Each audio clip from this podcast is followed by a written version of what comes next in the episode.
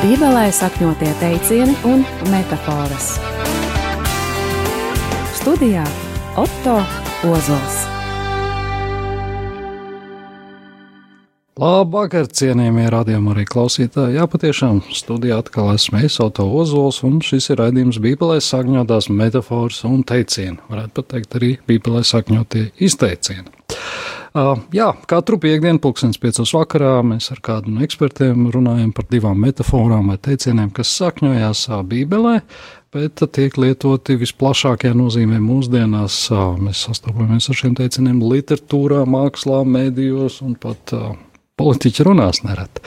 Bet uh, reizēm uh, dzirdot šos teicienus, mēs īsti neizprotam to jēgu vai kontekstu. Un, un mēdzam arī pārprast, tāpēc ir labi iedziļināties. Es vienmēr piesaucu slaveno teicienu, ko teica reiz prezidents Valds Zatlers. Viņš teica, slaveno jautājumu, kas es esmu, un viena liela daļa publikas nemaz neaptvēra, ka viņš patiesībā pārsfrāzēja Bībeles vecās derības teicienu. Un, jā, un šie cilvēki nesaprata varbūt līdz galam, ko viņš ar to gribēja teikt. Bet šodien mēs runāsim par diviem teicieniem, ļoti slaveno, pazīstamo teicienu vieglāk kamielim iziet cauri adats aci, un otrā redzījuma daļā runāsim par vēl pazīstamāku teicienu neredzi baļķa paša acī. Es pats neesmu bībeles eksperts, tādēļ katru reizi es studiju aicinu kādu, kādu ekspertu, mācītāju, priesteri vai teologu, kurš man palīdzēs saprast šos teicienus. Un tā Jā, un tā šodien studijā esmu uzaicinājis priesteri Modri Lāci. Labvakar! Uh, gatavoties raidījumam, es redzēju, ka jums ir arī uh, tāds zinātniskais tituls, kā to varētu pareizāk atšifrēt. Teoloģijas doktors. Ah, paldies. Jā, es to latīnisko redzēju, bet es gribēju, lai, lai, lai jūs pateiktu. Un jūs uh, kalpojat ikdienā, kurā vietā? Šeit patās Rīgas katoļu ģimnāzijā un Rīgas svētās Terēzes draudzē un pasniedzu garīgajā seminārā un Rīgas augstākajā reliģijas zinātņu institūtā. Jā, nu, tad, kā jūs dzirdējat, mums ir cilvēks, kurš, kurš zina un ir pazīstams ar Bībeli ikdienā. Bībelē sakņotie teicieni un metafāras. Jā, pirms ķeramies pie pašteiciena klāt, jūs jau noteikti esat ievērojuši, ka ticīgie un tā skaitā neticīgie bieži citē Bībeli un teicienus, vai jums ir tagad iezds Bez šaubām, īpaši mums uh, kristīgā vidē, un kur arī ir no dažādām konfesijām, un īpaši kādi baptistu skolēni, viņi ir ļoti uh, bibliskā tādā domāšanas veidā, un tad tur ir uh, ļoti daudz arī citāti, un, protams, ka tie, kas ir folklorizējušies, tie arī, kas valodā ir ikdienā. Jā, daudz teicienus mēs zinām, ka mēdz pierakstīt, ka tas it kā esot latviešu tautas folkloras teicieni, bet patiesībā senie latvieši viņi smelšies no bībeles un pārprotam. Bet uh, grāmatās, literatūrā, mākslā, nu, laikam bez šīm zināšanām tomēr nevar iztikt. Lai atpazītu, ka tas ir no. Jā. Jā, droši vien, ja, ja cilvēks nav lasījis Bībeli vai nav klausījies kādus svēto rakstu fragmentus, viņam varētu būt tāds viedoklis, ka tas ir no folkloras. Bet, ja tu īpaši speciāli meklē svētos rakstus, ja ir ir svēto rakstu tāda nu, iepazīšana jau bijusi, un tad to it kā atpazīsti. Ah, pagaid, vai tikai šis nav no Bībeles. Un tad šādi kolorītie izteicieni noteikti viņi ir atpazīstami, un, un to var drošāk teikt, jā, tur cilvēks saka tieši šo teicienu, bet, piemēram, prezidentam Zetleram varbūt, ka arī viņš pats pat nedomāja šādā nozīmē, bet nav slikti, ka to uztver. Jā, nu, es, es pats ar viņu reiz par to pārunāju. Viņš teica, ka viņš pazīst Bībeli. Nu, viņam kā doktoram, kā ārstam, pieredzējušam, ir, ir bijis iemesls bieži pārdomāt un studēt šīs lietas. Bet nu, ķeramies pie šī raidījuma pamata tēmas. Pirmā, pirmais teiciens, izteiciens ir vieglāk kamielam iziet cauri adatas aci. Bībelē tas ir minēts Mateja Mateja Vāģelī 19. nodaļā, un es nolasīšu no 19. nodaļas 16. līdz 25. pantam, līdz 26. patiesībā. Tā tad Mateja Vāģelīs 19. nodaļas 16. pantu sākam. Un lūk, viens piegāja un sacīja: Labais mācītāj, kas man labs jādara, lai es iemantotu mūžīgo dzīvi? Viņš tam atbildēja, ko tu man jautā par labo? Viens ir labs, Dievs, bet ja tu gribi iet dzīvībā, pildi baušļus. Tas jautāja viņam, kādus, bet Jēzus sacīja, tev nebūs nokaut, tev nebūs laulība pārkāpt, tev nebūs zakt, tev nebūs nepatiesu liecību dot. Tev būs savu mā, tēvu un māti godāt, un tev būs savu tuvāko mīlēt kā sevi pašu. Jauneklis sacīja viņam, to visu pildīju no savas jaunības, kā vēl man trūkst. Jēzus atbildēja viņam, ja tu gribi būt pilnīgs, ej, pārdod, kas tev ir, un atdod nabagam, un tev būs manta debesīs, un nāc, seko man. Bet, kad jauneklis dzirdēja šos vārdus, viņš aizgāja noskumis, jo viņam piederēja daudz īpašumu. Bet Jēzus sacīja mācekļiem: Patiesi es jums saku, bagātam grūti ieiet debesu valstībā Un atkal es jums saku, vieglāk kamielim izlīst savu radāts acis nekā bagātam iet debesu valstībā. Kad mācekļi to dzirdēja, viņi ļoti brīnījās un sacīja, kas tad var tikt pestīts.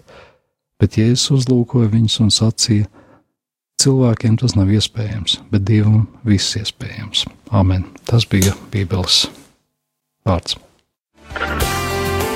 Bībelē sakņotie teicieni un metafāras. Jā, nu tas bija fragments no Mateja Vāģelīna 19. Te patiesībā bija vēl vairāk teicienu, kurus tāpat mēs dzirdam ikdienā, bet uh, konkrēti par šo teicienu viegli. Vieglāk kamielam iziet caur radāts aci, kāds viņam varētu būt tas vēsturiskais konteksts, kāpēc bija tāds, nu, it kā negaidīts salīdzinājums. Jā, mūsdienās tas noteikti būtu negaidīts, bet uh, izrādās, ka austrumu tautām tajā laikā uh, tas ir bijis diezgan izplatīts un populārs teiciens.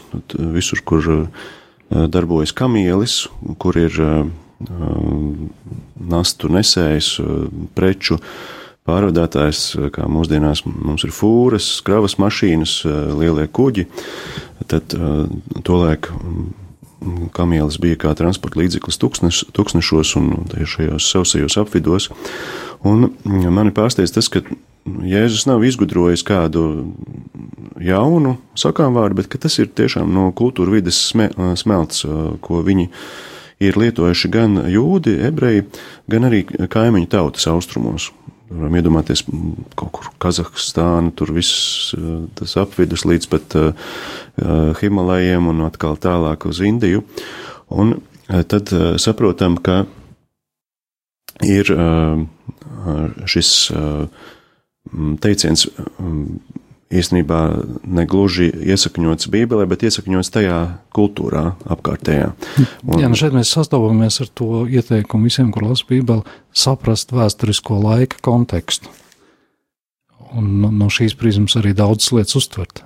Jā, un, piemēram, tad, kad jā, mēs sakām, ah, jā, redz, tas ir paņemts no Bībeles, var jau būt, ka kultūrologi varētu pētīt, kā kāds teiciens aiziet arī, ok, aiziet uz Bībeli, bet uh, varbūt aiziet pa citiem ceļiem arī uz kādu kultūru. Bet noteikti, ja viņš iesakņojas folklorā un varam stādīties priekšā pēc uh, Ernesta Glika uh, Bībeles tulkojuma, uh, mūsu tautieši pirms 400 gadiem klausās baznīcā šos izteicienus un iespējams arī pārnā, arī brāļu draudzēs, kur šī, šis Bībeles teksts kļūst par tādu ikdienas eh, pārdomu eh, objektu, tad uh, drīzāk mēs piekristu, ka tas ir mūsu folklorā ienācis no Bībeles. Jā, nu mēs runājam atkal par laika kontekstu. Glīka Bībele nu, izplatība gūst 18. gadsimta pašā sākumā. Jā, tad mm, šie 400 gadi, kas ir pietiekams laiks, lai tik ļoti iesakņotos, ka mēs nevaram uzrādīt autoru, ja paši ne, nesastopam tajā oriģinālā tekstā. Un, protams, tāds plašāks konteksts, konteksts šim fragmentam ir um, šī diezgan interesantā satikšanās, kur arī mm, citās vietās Bībelē, kad tas parādās, ir šis jauneklis, jaunais cilvēks, kurš nāk pie Jēzus un grib nu, saprast, kā es, lai tieku debesīs, tādu garantiju iegūt. Un pirmā garantija, tas pirmais solis ir pildi baušļus, un viņš saka, ok, es to visu izdarīju, kas man vēl pietrūkst, vai ir vēl kaut kas vairāk vajadzīgs. Un tad Jēzus saka, otrais līmenis, Jumanji Next Level, ir, ka tev, tu varētu visu atdot nabagiem un nāc sekot man. Tad ir vēl lielāka garantija, ka tu varētu tikt. Tas diezgan tāds liels izaicinājums īstenībā. Jā, un mēs arī par to pārliecināmies, ka šis jauneklis tajā brīdī nesakoja aiz, un viņš aiziet prom no skumas. Jā, nu te ir tā, nu, es domāju, turīgiem cilvēkiem diezgan, diezgan izaicinošā vieta. Turīgiem, nu, teiktu, kristiešiem 24. pantā. Un atkal es jums saku, vieglāk kamielim izlīst savu radītas acis nekā bagātam iet debesu valstībā. Jā, arī runājot par šo izteicienu, tad, um, tas ir normāli šī hiperbola pārspīlējums. Līdzīgi kā Jēzus pats bieži tā, tās gan mēs varam viņam pašam piedēvēt, ka tur labāk tev ar vienu roku ieiet debesu valstībā nekā ar divām rokām aiziet uz elli. Bet šie pārspīlējumi īsnībā ir gan jūdu retorikā, gan arī austrumu tautām, kur mēs ja var tā nosaukt, racionālie rietumnieki, mēs censtos tā labāk nepārspīlēt. Tā, nu, cik tad tur īsti bija mazliet tāda, tā kā, tādu juridiskāku pieeju. Un tad īstenībā šī teiciena jēga tāda, ka tas ir grūti, gandrīz neiespējami. Bet nav, šis teiciens nenozīmē, ka tas pilnīgi neiespējams. Jo mēs arī, piemēram, ja bērns to dzird tādu teicienu, viņam pirmais iespējas ir tātad adata, vienā rokā, un, un tu zooloģiskā dārzā redzi kamieli, adats acis. Nē, nav iespējams. Tas ir pilnīgi nesavienojami, nesalīdzināmi lielumi. Un vēl viena versija, ko es neesmu vēl tādos precīzos komentāros atradis, bet mums, man šķiet, ka arī lekcijās kādreiz tas ir stāstīts, ka Jeruzalemē esot tādi šaurie vārti, kurus atstāja vaļā naktī, Un tie, tās karavānas, kuras ir nokavējušas ierasties pa dienu Jeruzalemē, un lai nepaliktu ārpusē, kas ir bīstami, kur laupītāji var uzbrukt, bet, lai tiktu pilsētā, tad ir šie šaurie, tāda sprauga faktiski atstāta, kuru uzbrukuma gadījumā viegli var aiztaisīt ciet, atšķirībā no lieliem vārtiem, un tad šim kamēlim vajag visas tās nastas noņemt nost un tā izdzīt viņu tā kā gan arī uz, uz ceļgaliem, lai viņš izrāpotam tai spraugai cauri un paši tad izvelk tās nastas. Varētu salīdzināt, piemēram, mūsdienās, ka ir fūrē jātiek pa kādu kalnu tiltu pāri, kur ir uh, ierobežojums, uzlikts kaut kādas tonnas, un uh, tev jāizkrāmē viss ārā, uh, tu pārdzini fūri pāri uz otru krastu aizai, un uh, pēc tam aizstiep ar tiem elektriskiem ratiņiem vai kādu pār, pārbīdi pa, pa vienai pakai atkal to pārējo visu. Nu, tā varētu būt zināmā mērā Nu, taisnība, es arī dzirdēju šo pašu stāstu, nu, līdzīga versija, jā, ka tā Jeruzalemē esot tad, jā, tieši vārtos tāda ļoti šaura eja, caur kuru kamielim ir ārkārtīgi grūti tikt cauri. Jā, nu tādas uh, ejas tajā laikā varēja būt daudzām pils, no, nocietinātām pilsētām. Mūsdienās uh, noteikti, mm, ka mēs ejam uz ģimenes māju, uz to pastorālo muzeju, uh, Biskups Andris dažreiz rāda, ka tur ir slepenā eja bijusi eh, zem eh, Rīgas mūriem. Tas nozīmē, ka eh, šādās viduslaika pilsētās, un vēl jau vairāk tā laika pilsētās, ir kaut kādas mm, slepenās ejas un arī tādas nepārāk slepenas ejas, kuras nedara pilsētas ieņemšanai. Un, varbūt šos vārdus arī sauc par uh, adatas aci, bet būtu interesanti, jā, tad vēl kādiem lielākiem ekspertiem par to pajautāt, paskatīties komentāros. Jā, nu, bet nu ņemts no reālas vietas, no reāla konteksta. Jā. Es tā pēkšņi ātrumā iedomājos, ka mūsdienās patiesībā taču lidostās arī, vai nu, kādās svarīgās valsts iestādēs slepenās, tur jau arī iet īpašiem šauriem vārtiem cauri, kur tev pārbauda. Arī rada acis. Jā, nu tad mēs varam pieņemt, ka vēsturiskais konteksts varētu būt diezgan, diezgan precīzs. Bet, jā, nu, šajā, šeit, šajā evaņģēlē vēlreiz tiek uzsvērts, norādīt visi šie, šie bauslības principi, bet vai te nesanāk tāda, tāda tā kā mazliet, kā lai to saka, no nu, dīvaina lieta, ka, ka turīgiem, bagātiem cilvēkiem varētu būt lielākas problēmas nekā tiem nabagiem. Laikam runa ir par piesaistīšanos materiāliem labumiem vai materiālām lietām, un tikpat uh, daudz šis uh, izteiciens varētu attiekties uz nabadzīgu cilvēku, kurš ir pārāk pieķēries savai mantai, ka viņš ir kaut kādā ziņā tas bagātais, uh, kuram uh, ir uh, tādas lietas, no kurām viņš negrib uh, nu, atraisīties, un ka tas arī viņam var būt liels, uh, tāds liels uh, šķērslis. Un man nāk prātā tā Jēzus uh, Um, parādītā atšķirība starp to, kā uh, dod uh, upuru dāvanas um, cilvēki ieejot templī, upurlādēm, un ka ir salīdzināts uh, naudas izteiksmē milzīgas summas, daži ziedo, un viena nabaga sieviņa atraitne, viņa iemet divus naudas gabaliņus, varbūt varētu salīdzināt ar diviem centiem, un, ja es saku, viņa ie, iemeta vairāk nekā tie visi kopā, jo viņa visu savu savas dienas iztiku, bet savukārt tie meta no pārpalikuma. Un mēs redzam, ka īstenībā cilvēks, kurš būtu piesaisties pie šiem diviem centiem, varbūt ir tikpat piesaisties, kā tie būtu piesaistījušies miljoniem.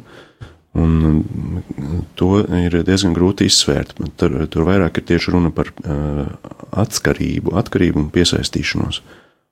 Mm. Jā, nu šī baznīcas naudas tēma vienmēr ir nu, teiksim, tāds ļoti jūtīgs temats. Bet kā, vai nav tā, ka teiksim, mūsdienās nu, ir, ir, ir kaut kādas organizācijas, kas arī pārspīlētā veidā izmanto šo lietu, kad saka bagātniekiem vai turīgiem cilvēkiem vienkārši atdod visu naudu mums, un tad tu tiks pestīts, vai šādi gadījumi nav pieredzēti, redzēti? Jā, tāds ir dzirdēts par, par dažām jaunajām draudzēm, kur ir obligāti uh, lielas summas jāziedo, un, un šī labklājības eh, teoloģija, jo tu vairāk ziedos, jo tu vairāk saņemsi atpakaļ. Bet, eh, manuprāt, tur jābūt arī diezgan uzmanīgam un ar, ar gudrību, ar, ar savu eh, šo um, dieva doto izpratni arī ar, ar piesardzību. Šīs lietas, cik tad es varu ieguldīt un cik man ir kaut kāds minimums. Uh, kas ir arī jāsaglabā ģimenei, bērniem, vecumdienām, bet tā ir interesanta tēma. Piemēram, Mātei Terēzē no Kalkutas, ko Katoļu baznīca ir pasludinājusi par svēto, viņai dažkārt ir bijuši tādi gadījumi, kad ir jāatver kāda misiju māja kādā zemē, un, lai to uzbūvētu, viņai vajag vairākus miljonus, un viņa saka māsām, tagad iesim Viņiem, viņam bija vairākas tās lūkšanas evaharistiskā adorācija, kad jābūt ir tādā klusumā, visvētākā sakramenta klātbūtnē, un lūksimies, lai mums izdodas uzbūvēt to jauno māju. Un, kā dažreiz viņa to intervijās ir teikusi, ka es pēc šīs lūkšanas iznāku ārā, man zvana, ka mēs gribam jums noziedot tik un tik miljonus, un ka tā summa ir tieši tā, kas ir vajadzīga jaunajiem. Un tad uh, daži priesteri arī saka, piemēram, priesteris Arnis Mazaļevskis, kurš ir evanģelizācijas skolas vadītājs Latvijā, viņš saka, ka dievam nauda ir daudz, tikai mums, vai, vai mums viņu vienmēr vajag. Jā, lai piesaistītu, bet jā, nu, man bija pašam labi to dzirdēt no jums, ka tu ziedo baznīcai, ja tu ziedo draudzē, tev vienmēr ir jāpadomā arī nu, teiksim, par saviem tuviniekiem, jo tas jau arī ir teikts, mīl savu tuvāko. Nodrošināt viņiem iztiku un, un darīt to saprātīgi un samērīgi. Jā, nu, bet tad mēs iespējams, kad arī kaut kur tālāk Bībelē nevelti tā teikts par to desmito tiesu. Jā, man šķiet, ka tas ir labs tāds, tāda robeža, ja kāds domā, varbūt es eh, ziedoju par, eh, par maz, tad, jā, tad, lūk, ir, ir tāds vecajā derībā bijis 10% vari šo robežu, un savukārt, ja kāds domā, ka viņš par daudz ziedo, tad arī par teikt, nu labi, tad mm, ir ok, ne, nepārspīlē, tev nevar prasīt vairāk par desmit, desmito tiesu.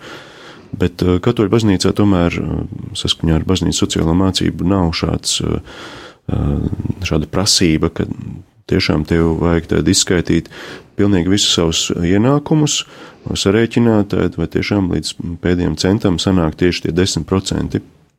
Ir dažas valsts, kur ir baznīcas nodoklis, arī Eiropā, bet uh, Latvijā. Vācijā, jā, Vācijā un vēl dažās. Un uh, tad uh, tas it kā automātiski tiek ieturēts no tavas algas, no taviem ienākumiem. Bet uh, šeit tas bieži vien ir atstāts uh, cilvēku, cilvēku sirdsapziņu, kā viņi uzskata, kā tas ir vajadzīgs.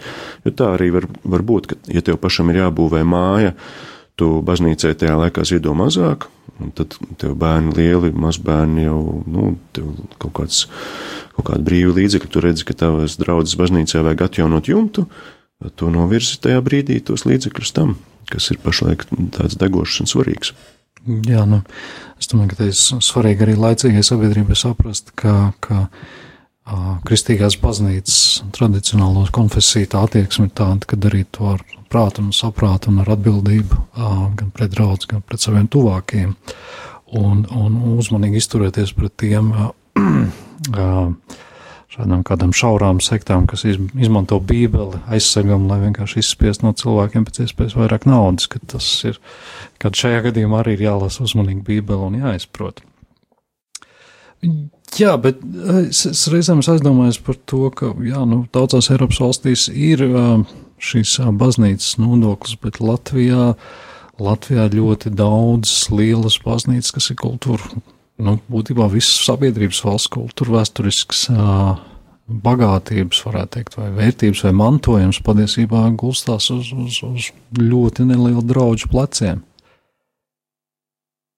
Jā, mums noteikti tā ir Doma baznīca un Pētera baznīca, kas ir eh, gan arī mm, kā Rīgas simboli un arī kā savā ziņā Latvijas simboli, kur mm, turisti cenšas arī apmeklēt šīs vietas, gan tāpēc, ka no Pētera baznīcas var paskatīties uz vecrīgu, gan arī tāpēc, ka Doma baznīcā mums ir šīs izcilās ēģeles, un, protams, arī, ka draudzes pašas eh, nevarētu uzturēt ši, eh, šādus lielus eh, dievnamus mūsdienās. Tāpēc ir, mēs lūdzamies par valsti un lūdzamies par visu sabiedrību, kura atbalsta mm, šo, šo kultūru vēsturisko mantojumu, ka varam at, atjaunot, saglabāt un tagad paskatāmies, cik brīnišķīgi izstāsta Doma baznīca, mums tiešām prieks un pateicība visiem uh, nodokļu maksātājiem nu, un sponsoriem, kuri varēja to atbalstīt. Jā, nu līdzīgi varētu arī teikt par Aglonu. Jā, un Aglonu bez šaubām, un arī pašlaik Svētā Jākaba katedrāle, kurai krita ķieģeļi no torņa, kā arhibīskaps stāstīja, ka viņš vienu rītu iet uz, uz, uz svēto misiju un, un blakus nokrīt ķieģelis. Un, Un tad teicu, ka esot skaitīti, cik, cik mēnešu, mēnešu laikā nokrīt tie ķieģeļi. Bet, cik man zināms, ka laikam neviens turists, neviens rīznieks tur apak, apakšā nebija patrāpījies. Nu, paldies ļoti, Dievam! Jā, ļoti labi, ka arī šādā jau uz riska robežas, ka tā ir avārijas situācija, kad ir jā, jāglāb.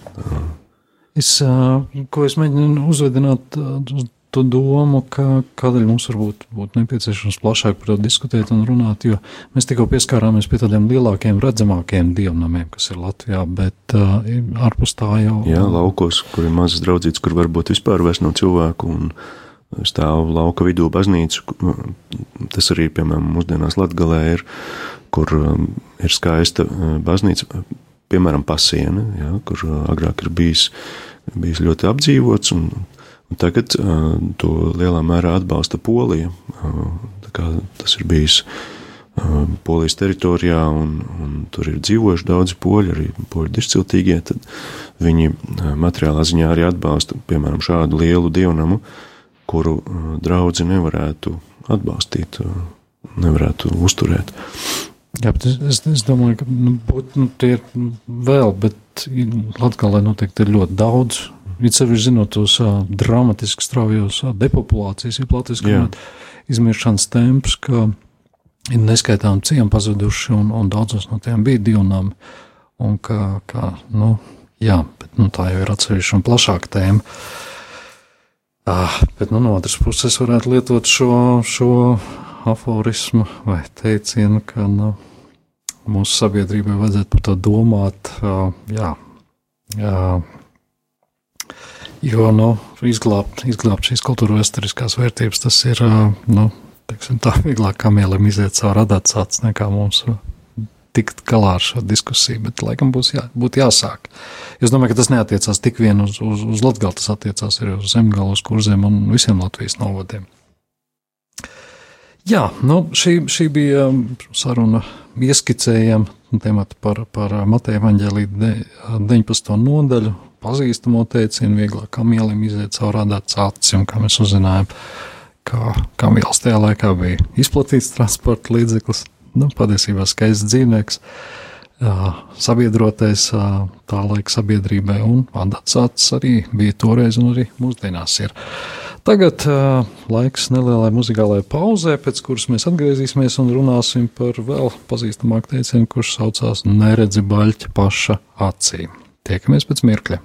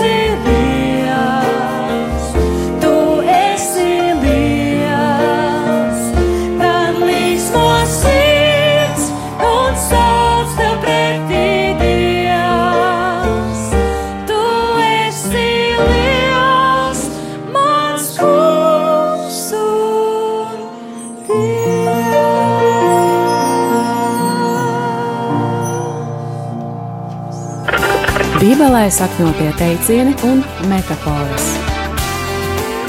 Studijā Otto Ozols. Jā, labvakar vēlreiz cienījamie radījumi arī klausītāji. Šis ir uh, raidījums Bībelē sakņotās metafāras un teicieni, un kā jau katru piekdienu mēs runājam par diviem teicieniem. Radījuma pirmajā daļā mēs runājam par teicienu, kas sakņojas Bībelē vieglāk kamēlam iziet caur radāts aci, un tagad ir pienācis laiks otrajam teicienam neredzi baļķi pašā acī. Un atgādinu, man studijā šodien ciemos ir priesteris Modris Lācis, kurš man palīdz tikt galā tādā sarunā mēs mēģinām saprast šos teicienus un to būtību. Jā, tad ķeramies klāt pie, pie patiešām pazīstamā teiciena, neredz baļķi pašā acī. Tas ir atrodams Lūkas sastajā nodaļā Bībelē, un es atļaušos to nocitēt. Es citēšu no Lūkas 6. nodaļas 37. panta līdz 42. Netiesājiet, tad arī jūs netiksiet tiesāti. Nepazudiniet, tad arī jūs netiksiet pazudināti. Piedodiet, tad arī jums tiks piedots. Dodiet, tad arī jums tiks dots labu, saspaidīt, sakratīt un pārpilnīgu mēru jums iedos jūsu klēpī. Jo ar to mēru, ar kādu jūs mērīsiet, jūs atmērīs. Bet viņš sacīja tiem ar līdzību: vai akls var vadīt aklu, vai abi neiekritīs bedrē. Māceklis nav augstāks par mācītāju, bet katrs būs pilnīgs, ja viņš būs kā tā mācītājs. Bet ko tu redzi skabārgu savā brāļa acī, bet baļķi, kas tavā acī nesaskati? Vai kā tu vari savam brālim teikt, ļauj, brāli, es izvilkšu skabārgu no tavas acis, bet tu pats savā acī baļķi neredzi? tu liekuli izmet vispirms baļķi no savas acis, un tad lūko izvilkt skabargu no savu brāļa acis. Tas bija Dieva vārds. Amen. Bībelē sakņotie teicieni un metafāras. Jā, nu, kā jau vienmēr citāti. Bez, bez minētā par baļķa acīm ir vēl vairākas teicienas, kurus mēs pazīstam, zinām un lietojam ikdienā. Tā varētu. Jā, jā. Mazliet vienmēr sajūsminos par tik uh, domu un teicienu bagātiem tekstiem. Bet uh, ar, kā, jūs, kā jūs skaidrot šo vietu? Kas jā. šeit notiek? Ir salīdzinot ar paralēlo vietu Mateja evaņģīlijā, kur uh, tā, tāds, tāds līdzīgs sprediķis tiek saukts par kalna sprediķu vai kalna sveitībām un kalna runu. Šis notiek līdzinā vietā, pat ir uzsvērts, jā, ka, ja es nokāpu no kalna, aizgāju līdzinā vietā, un ir šo fragmentu ievedot arī svētības un, un lāsti, un savukārt tad ir varbūt arī šīs svētības. Un tad iet tālāk par atsevišķām tēmām šī kalna runa, kur var uzzināt to atkal līdzīgi kā šai pirma, šim pirmajam teicienam, to nākamo līmeni, kur tu vari attīstīties un, un svētumu tad kā augstāku sasniegt. Un mēs nonākam pie spējas otram parādīt vai viņš dara pareizi vai nepareizi, un vai akls eh, var vadīt aklu, tā noteikti bija viena no, viens, viens no šiem eh, teicieniem, ko arī mēs mm, bieži lietojam, un ir, laikam, Brēgela glezna bija, kur eh, arī attēlots tas pirmais aklais, kurš iet ar, ar to spieķīti un tomēr neno, nepar, ne, īsti neatrod, kur tā ceļa mala un tiešām iegāžās visi uh, grāvī. Bet šeit par skabargu un baļķi, kas interesanti jaunajā Bībeles tulkojumā, un pirms tam jau diezgan sen arī džasta komentārā, ir nevis skabarga, bet gruzītis. Ja mēs šodien tieši ticības mācību stundā ar skolēniem spriedām, kā tas ir, ka to skabargu un ka tev vajag labas rokas, lai izvilktu to skabargu ārā, piemēram, Atceros, ka mēs treniņu nometnē arī drāpāmies kokā, un, un kur tikai pa visādiem dēļiem un bēniņiem. Un tu skaties, ai, ir skabarga. Un otrs puisis saka, ah, pagaidi, es tev izvilkšu to. Un viņš, ka ņem, viņš iebīda vēl dziļāk to skabargu, un tad tur roka uzpamst, un, un ir diezgan traki. Bet, kad iedomājas, ka šāda skabarga būtu acī, tad, ū, tāds mm, higienas normu pārkāpums, ja mēs tur mm, mēģinātu ar, ar netīriem pirkstiem uh, līst iekšā un kaut ko grābstīties. Savukārt šis gruzītis izklausās tā kā ticamāk un racionālāk, un runa par šiem salīdzinājumiem, ja proporcijām, cik tad ir tā vaina, ko tu redzi otrā cilvēkā, un vai tu ievēro to nosacījumu. Pagaid, pirms tu sāc kritizēt to žurnālistu Oto Ozolu, paskaties īsti, vai tu esi ar visiem šiem aspektiem ticis galā, un vai tu kārtīgi visu esi izdarījis, un vai tu pareizi rīkojies. Protams, šeit arī ir jāievēro līdzsvars, jo tad beigās mēs nekad otram neko nespēsim aizrādīt, nepalīdzēsim ar savu kritiku. Es, laikam, esmu apnicis vienmēr ar, ar viesturu reņģis to kritika ir palīdzība stiprajiem. Ja tu spēj uzklausīt kritiku, tu esi ar, milzīgā, ar milzīgu potenciālu, ka tu ļoti uzlabosi to, ko tu esi līdz šim darījis. Savukārt, ja kritika tevi sagrauj, tad uh, tev nav iespējas izaugsmē. Tā ir uh, jebkuram cilvēkam, īpaši rietumu sabiedrībā, kad mums ir uh, jācīnās par karjeras attīstību un izaugsmi. Es domāju, tieši žurnālistu karjerā arī līdzīgi, ja tu nespēsi ieinteresēt lasītāju, klausītāju, skatītāju, tad tu pamazām it kā tiec izstumts no tā darba tirgus ārā un tu paliec kādā perifērijā. Un kaut kādā ziņā tas attiecas gan uz visām profesijām, un, un tu centies uh, šo otra tās nepilnības, varbūt uh, arī skatoties uz sevi, uh, tu domā, ah, bet klausies, īstenībā es pats arī to pašu esmu pārkāpis, un arī es to neievēroju. Un tad es varētu tagad mainīties un uzlabot, un tad ir pašam šī personīgā izaugsme. Protams, ka. Vai tā smalki runājot, šī nav vieta, kas liek mums domāt, jā, nu, tā gribu teikt, smalki runājot, rietumu kultūra, kristīgā kultūra lielā mērā balstās arī uz spēju būt paškritiskiem, pieņemt kritiku. Vai tas nav arī stāsts par, es domāju, tas nebūs jauns termins par kritikas kultūru, kas spēt pareizi kritizēt? Tieši tā, jo es vairāk uh, gribēju norādīt, ka mums nevajadzētu absolūti burtiski to izprast visos gadījumos, un tad mēs jau iedzītu tādā milzīgā vainas apziņā, kas pati par sevi arī nav, uh, nav dekonstruktīva, ja tu spēj ar, ar viņu tikt galā.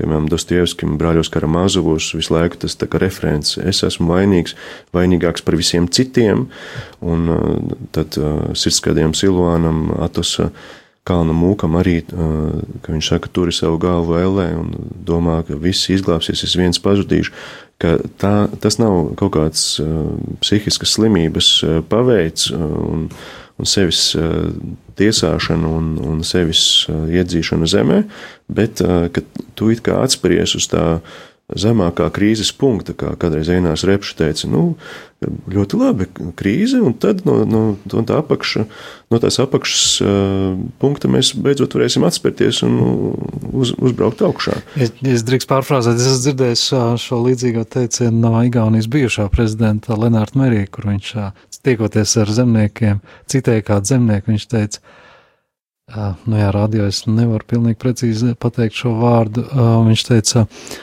Nu, viņš teica, teikšu tā, mēs esam mēslots līdz ausīm, bet uh, lai tas kalpo par mēslojumu nākotnes uh, ražai. Jā, man šeit par tām krīzēm arī Normanam Friemanam bija, laikam ar Jūru Rubeni tā krīzes iespējas, ka tieši 2007. 8. gads, kad tas bija ļoti aktuāli. Bet runājot par to skabargu vai gruzīti, otra acī. Protams, ka eh, mums vajag ar veselo saprātu tā realistiski paskatīties, objektīvi, eh, samērot, vai tas veids, kā es tagad audzinu to otru cilvēku, vai kritizēju to otru cilvēku, vai es nepārspīlēju, vai man nevajag vispirms pašam noskanēt sevi, nu, pafiltrēt mazliet un atrast to līdzsvaru. Jā, bet tomēr kritikai kā tādai, tomēr mēs nevaram no viņas uh, atkāpties. Jā, nu, es esmu dzirdējis šo filozofu ir teikuši, ka, ka, ka īstenībā rietums vai kristīgās sabiedrības tas spēks sakņojas tieši, tieši šajā paškritismā, ka mēs nemitīgi kritizējam viens otru un, un beigās nonākam pie labākajiem risinājumiem. Bet ir arī tā otra problēma, ka, nu, teiksim, Latvijā, ka mēs nu, salīdzinoši jaunu sabiedrību šajā demokrātijā, ka mēs nemitīgi dzirdot kritiku, sākam domāt, ka patiešām viss ir ļoti slikti. Jā, vajadzētu vienmēr būt kādam, kurš uh, tevi atbalsta arī. Un, protams, draugs uh, var uh, tev pateikt kritiku daudz saudzīgāk nekā ienaidnieks. Savukārt, ienaidnieka um, tie vārdi, ja viņš to pasaka dusmās un tam līdzīgi, tu atkal uh, ar tādu koeficientu to parēķini, ka tas uh, ir jāskatās, kāds ir viņa mērķis bija, vai, bijis, vai mani sagraut, vai varbūt tiešām es kaut ko tur atradīšu, ka viņš ir uh, atradis manā darbībā kaut ko nepareizi, un tad es varu laboties. Abrahamam Linkolnam to Dēls Kārnegi vienā arī latviski tulkotā grāmatā atstāsta tajā pilsoņu kara laikā bija tāda asiņaina kauja, un tad dienvidnieku armija atkāpjas pāri upei, lielai upei, un tad uh, uh, ir iespēja uzbrukt un viņus sakaut. Savukārt, ja viņi būs pārcelšies, tad vairs ir atkal ilgas cīņas un daudz zaudējumu. Un Abrahama Linkolna arhīvā ir atrasta tāda vēstule, Jā, Dievs Karnīgi tādā ziņā daudz mērķiecīgāk to stāsta to gadījumu. Saka, nu, lūk, šāda vēstule, ka, ka viņš ļoti saudzīgi izmeklētiem diplomātiskiem vārdiem tam ģenerālim raksta, klausies, nu, tāda iespēja, to nevajadzētu laist garām. Mēs vienas dienas laikā panāksim uzvaru, rīkojies. Un izrādās, ka viņš nekad šo vēstuli nesūtīja, viņš bija sapratis, ka tev sēžot Baltijā namā un mierā un tā pie sava lielā rakstāmgāda ir pilnīgi cita pasaules uztvere nekā, ka tu esi redzējis gan savas armijas līķus, karavīru, gan visus ievainotos to asins pirti, un ka šī kritika tajā brīdī būs pilnīgi neliederīga. Un varbūt arī tas ģenerālis neko nepanāks, jo viņam nebūs tā ticība, jo ir pilnīgi demoralizēta pēc, pēc šiem lieliem zaudējumiem armijā.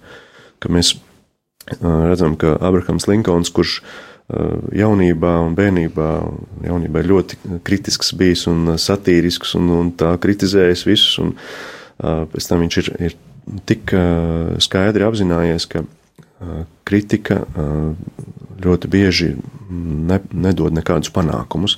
Tad American Smile dažreiz ir tas tāds, nu, it kā maska, bet reizē arī uh, veids, kā tu uzmundrini to otru cilvēku, neatkarīgi no tā, vai viņš ir tev izdevīgs vai neizdevīgs.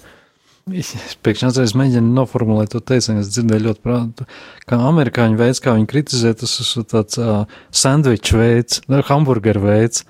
Vispirms viņš pasaka kaut ko ja, uh, labu tev, kaut ko uzmundrinošu, iedrošinošu, kaut ko nu, tādu, kas sasilda, tad viņš uzmanīgi pa vidu iesprāž to kritisko daļu, ko viņš gribēja pateikt, un tad beigās viņš vēlreiz uzliek to maizes daļiņu, lai nomikstinātu to, to, to rūkto, vai, nu jā, tā kā ieliek to, to rūkto pilienu iet, ietēr priekšā tādā saldā glazūrā. Dažreiz pat saka, tu vari teikt, Oto, cik brīnišķīgs ir tavs raidījums. Bet, un tad it kā kritizē, un Oto, nu, nu jā, redz, kā ir. Bet tas amerikāņu pareizais variants ir, Oto, tev ir brīnišķīgs raidījums. Un tev vēl brīnišķīgāks būs, ja tu vēl to mazāk ķerksties pa vidu. Nē, nu, ļoti pozitīvi pasaka to uzlabojumu, kas īstenībā jā, jā. latviešiem parasti ir tā kritika, un ka to skabargu, ko es esmu pamanījis, ka īstenībā uh, nu, tas nav nekāds baļķis, ka tu viņam tur visādi piesienies. Nu. Bet no otras puses, ja, ja, ja man, piemēram, kritizētu kāds, kāds cilvēks, kuram vispār nav nekāda pieredze radio, kurš nekad nav vadījis radio, vai tas nozīmē, ka viņš nedrīkst man kritizēt tikai tādēļ, ka viņš, ka viņš nav nekad bijis radio raidījuma vadītājs?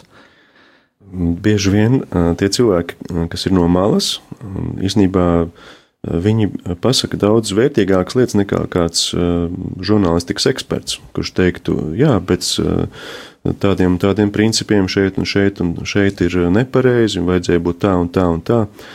Savukārt, cilvēks, kurš klausās, viņš var pamanīt to, kas ir vēl no, no citas operas, vēl kaut kas tāds, kas uzrunā. Un bez šaubām, ka uzrunā pavisam negaidītas lietas, piemēram, tad, kad ievēl pāvestu, ko viņš saka pirmos vārdus, vai tiešām visam konklāvam ir sagatavota runa, ko viņš teiks, ko viņš teiks vai arī Amerikas prezidentam, tad, kad Jānis Pāvils II tika ievēlēts, viņš saka, nebīsties, nebaidieties. Un, kurš no Amerikas prezidentiem saka, jums nav jāprasa, ko valsts man varētu dot, bet jums ir jāprasa, ko es varētu dot valstī. Ja nemaldos, Džons Kenedijs tas bija. Un tad mēs šo kritiku apgriežam pilnīgi otrādi, ka tās uh, nelielās lietiņas uh, ir daudz vērtīgākas nekā, kad tu būsi visu ļoti pareizi un gadiem ilgi strādājis, un ka, ka var kaut ko pagriezt pilnīgi uh, vienā mirklī. Jā, mazliet nolicot no pamatējums. Jā, šis ir slavens teiciens, ne jau tā, ko valsts var dot tev, bet jautā, ko tu vari dot valstī. Un es, jā, es baidos sabudroties, bet esmu dzirdējis versijas, ka to ir teicis arī Kārlis Ulmans savā laikā.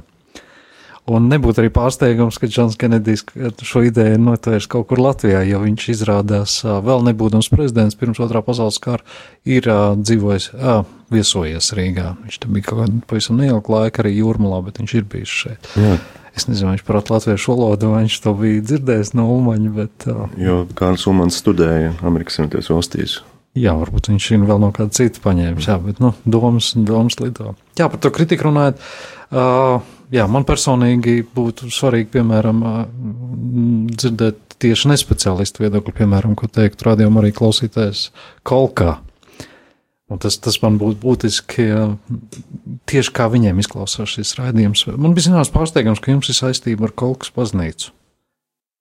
Jā, tur mums arī bija skabargas, ka mēs būvējām to baznīcu. Tad tā ir Kalkas katoļu baznīca. Ir, Jūs būvējat? Guļbūve, kura tika pārvesta no Grieņu rezervāta, no Sakas, kur līdzīgi kā jūs teicāt par Latgales baznīcām, ka arī Grīņu rezervāts, Grīņi bija izveidojušies pirmajā, pirmās Latvijas brīvvalsts laikā, kad tur izveidojās tāda latgaliešu kolonija, jo latgales zemnieki, mēs varam pastīties populācijas Atlantā, ka tur bija pār apdzīvotība, savukārt kurzeme daudzās vietās bija diezgan patukša. Bet dažu gadu laikā Viņi pārliecinājās tomēr, ka tā ir diezgan neauglīga zeme, un viņa pamazām bija izzudusi šī, un arī tā pierobežas josla. Latgalieši pārcēlās viena daļa uz kurzemes, Jā, uz grīņiem, kas ir netālu no Kalkas. Nē, starp Pāvilos, pie Pāvilos, teiksim, tās ir Ventspili un Liepāja tajā pusē. Un, kas nav arī Katoja rajons, kas būtu Suitu novads, Un tad arī pierobežas josla un tā, un beigās tā baznīca palika meža vidū, šīs mājas lielākoties bija pamestas, nu, atstātas, un vairs nebija draudz. Īstenībā vēsture tur ir diezgan sarežģīta, skatījos tā, tā laika avīzē solis, ka arī uh, bija pat protesta akcijas, kā jūs drīkstat mūsu baznīcu atņemt nost, pēkšņi atdzīvojušies bija cilvēki, ka mums vajag to baznīcu, bet uh, kā tas priesteris, kurš tur bija kāpojis, viņš liecināja, ka nu, vairs nenāca neviens uz to baznīcu. Un uh, kolkā uzbūvējot, mm, arī tika pievienots tornis, ko tāls arhitekte uzprojektēja. Jūs viņu pārvedāt vienkārši. Jā, tad viņu toreiz priesteris Andrejs Mediņš, viņam šī ideja radās, ka kolka ir tāda vieta, kur, kur ir ļoti saistīta arī ar Latvijas baznīcas vēsturi un kolkas jūras zvaigznes baznīca. Viens no dievmāts tituliem ir jūras zvaigzne, Maris Stela un ka tai vajadzētu būt tādai kā svētvietai arī kurzemē. Un tad viņu sakrāmēja baļķu vadījumā mašīnā, sanumurēja visu un pārveda. Un es īstenībā pieslēdzos tad jau, kad bija gan pamati ielikti, gan jau sienas bija diezgan augstu uzbūvēts, un tad mēs to visu pārējo jumtu, tur liela jauniešu grupa strādāja un, un kādi pāris profesionāļi vēl vīri un brīvprātīgie. Jā, lielā mērā arī tādēļ, ka jūs, teiksim, tā civilajā profesijā esat. Uh... Arhitekts, jā, un tad uh, bija interesanti tur iesaistīt arī uh, kolkas uh, bērnus, kuri atnāca uz zīmēšanas stundu un pēkšņi pieteicās, paliek, vai mēs varam vēl arī kaut ko jums palīdzēt. Un, tad uh, viņi sijāja granti, un, un tad aiz, vēl aizgāja mājās, atnāca darba drēbēs, un tur mēs ļoti daudz ko, it kā, uh, ka es citiem kādiem stāstu, ka bērni palīdzēja celt, ah, nē, bērnu darbs ir aizliegts, tas jūs tā kā Ķīnā, tur izmantojat bērnus, vergot, uh, vergo, vergošanu, ja? bet uh, tā ir uh, kolkas, uh, tas ir kolkas lepnums, ka viņi uh, vesela paudze var uz šo baznīcu skatīties arī, kur jau tādi viņi lieli cilvēki ir. Jā, es tieši domāju, viņi ir. Jā. Jā, tad 25 gadi, varbūt nu, mazliet mazāk. Mm. Jā, šie bērni ir izauguši lieli, un viņi atcerās, ka viņi jā, jā. burtiski savu roku pielikuši pie šīs baznīcas. Jā. Atgādiniet vēlreiz, kā to baznīcu sauc, ja mēs būsim Kolkā. Kolkas jūras zvaigznes, divmātas jūras zvaigznes baznīca. Nu, īstenībā Kolkā ir Ir viena pareizcīgo baznīca, kur ir bijusi arī svētdienas skola blakus, ir uh, Lutāņu baznīca ar slaveno Helēnas Henrikssonas altāra glazmu. Jā, ļoti skaists. Un uh, ir Baptistu dievnams, uh, Lūkšana nams un uh, Kolkas katoļu baznīca, kad brauc iekšā viņa tuvāk centram sanāk. Oh. Jā, Jeb, jebkurš parādīs jums kaut kā, kur tas ir. Garīgi pagāta vieta. Jā. Jā. Skaidrs. Nu, tā mēs sākam runāt par, par teicienu, neredz baļķu pašu acī, par, par, par to, kā patiesībā radusies tā paškritikas vai kritikas kultūra mūsu, mūsu sabiedrībā, nonācām līdz brīnišķīgai kaut kas baznīcai. Un stāstam par to. Jā, nu, mēs tuvojamies raidījuma noslēgumam. Es uh, saku paldies viesim, uh, kā atnācāt, piedalījāties. Es atgādinu, studijā bija priesteris Modris Lācis. Paldies, ka atnācāt. Paldies par ielūgumu.